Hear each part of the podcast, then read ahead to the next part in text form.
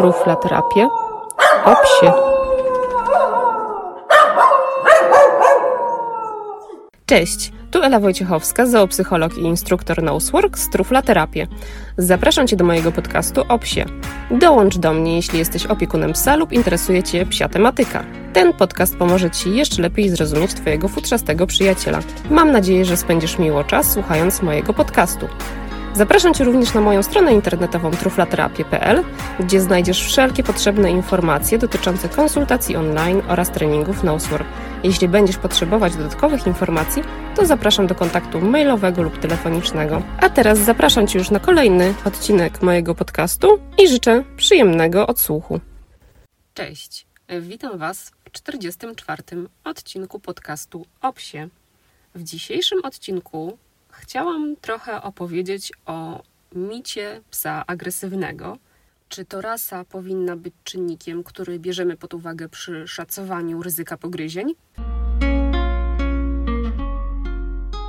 Zacznijmy może od tego, jakie rasy w Polsce są uznane za agresywne, a w zasadzie, jak to mówi ustawa, niebezpieczne.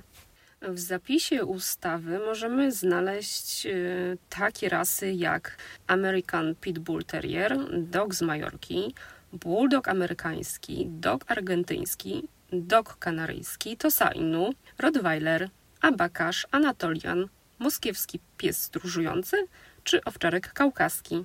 Czemu akurat teraz zostały umieszczone na tej niechlubnej liście? Czy powodem tego może być tylko wygląd tych psów? Czy jednak faktycznie są one groźne. I tutaj przytoczę taki cytat doktora Christophera Irizary, który mówi: Przepisy dotyczące poszczególnych ras nawiązują jedynie do niewielkiego podzbioru cech morfologicznych psów i w ogóle nie odnoszą się do kwestii zachowania. Tak więc błędne jest założenie, że rasa i wygląd psa mogą decydować o tym, jak pies się zachowuje. U podłoża agresywnych zachowań może leżeć naprawdę sporo czynników, a każdy pies, niezależnie jakiej jest rasy, może ugryźć. Idea przypisywania agresji psom o określonym wyglądzie nie ma zupełnie naukowych podstaw, co udowodniło nawet ostatnie badanie, e, którego głównym autorem jest Kathleen Morrill, a które ukazało się na początku bieżącego roku. Jednym z aspektów, nad którym skupili się naukowcy, było pokazanie, jaki związek z agresją ma rasa psa. Ich badanie to pokazało, że nie ma dowodów, które potwierdzałyby wpływ genów na to, jak łatwo, kolokwialnie mówiąc, wyprowadzić psa z równowagi i sprawić, by zachował się w sposób agresywny. I znowu się tutaj powtórzę, choć powtarzam to chyba w każdym moim odcinku, e, że każdy pies jest inny i każdy ma inny temperament i osobowość. I w obrębie jednej rasy psy mogą prezentować różne zachowania. I różnice między osobnikami wynikają przede wszystkim z genów, które otrzymały, jak i ze środowiska, w którym psy się wychowały, i z doświadczeń, które zebrały na drodze swojego życia.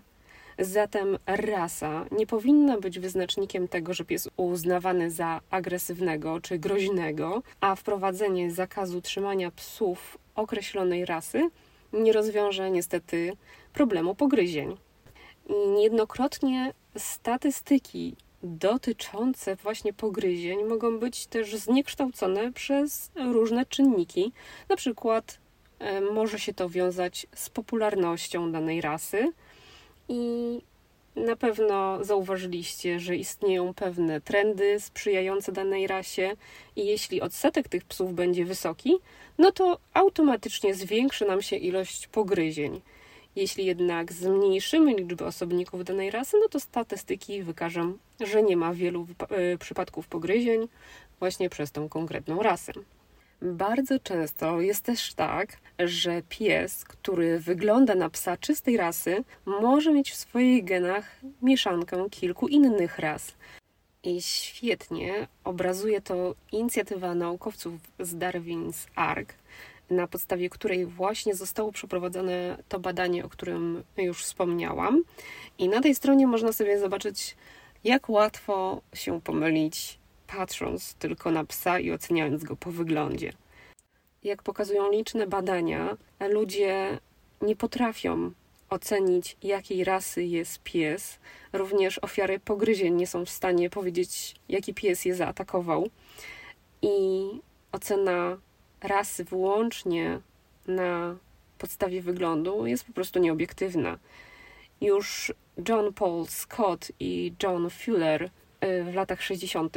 wykazali, jak ogromna różnica istnieje pomiędzy wyglądem psa a czystością rasy.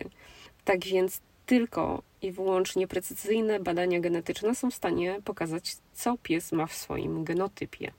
I to, co powtarzam również do znudzenia, i to, co potwierdziło badanie, o którym już wspominałam, nawet w obrębie jednej rasy mogą występować znaczne różnice. Oczywiście rasy psów są selekcjonowane do pewnych zachowań, do pewnych zadań, jednak nie każdy labrador jest dobrze nastawiony do ludzi i nie każdy jamnik kocha kopać doły.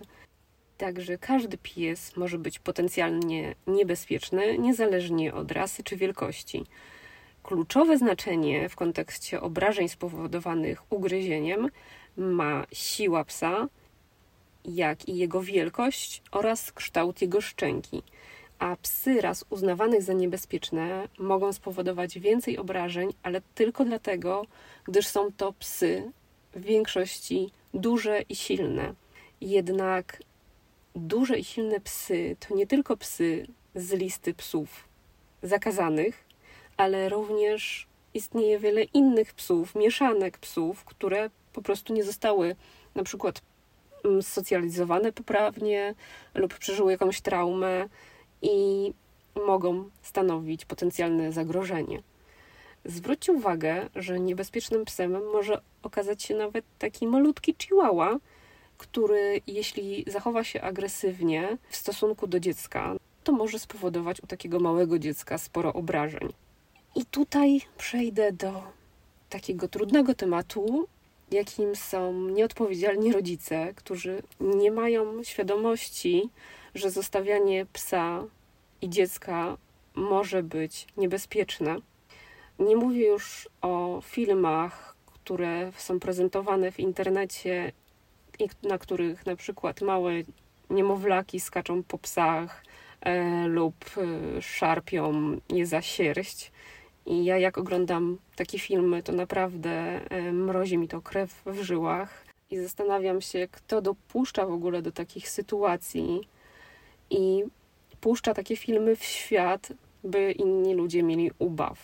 Wiadomo, że małe dziecko nie jest w stanie ocenić zagrożenia ze strony psa i wystarczy naprawdę chwila nieuwagi, by stała się tragedia.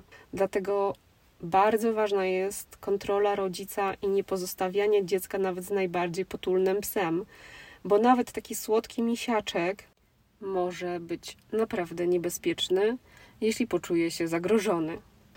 A propos jeszcze filmików, to ostatnio właśnie wyświetlił mi się gdzieś taki filmik z opiekunem, który e, chciał, w zasadzie nie wiem, co chciał osiągnąć. W każdym bądź razie był przebrany w strój białego wilka i skradał się za fotelem, na którym leżały dwa psy. I film pewnie miał e, być śmieszny i rozbawić publiczność, jednak mogło się to skończyć w sposób Mm, nieprzyjemny dla opiekuna, ale całe szczęście te psy zareagowały spokojnie i nic się nie wydarzyło.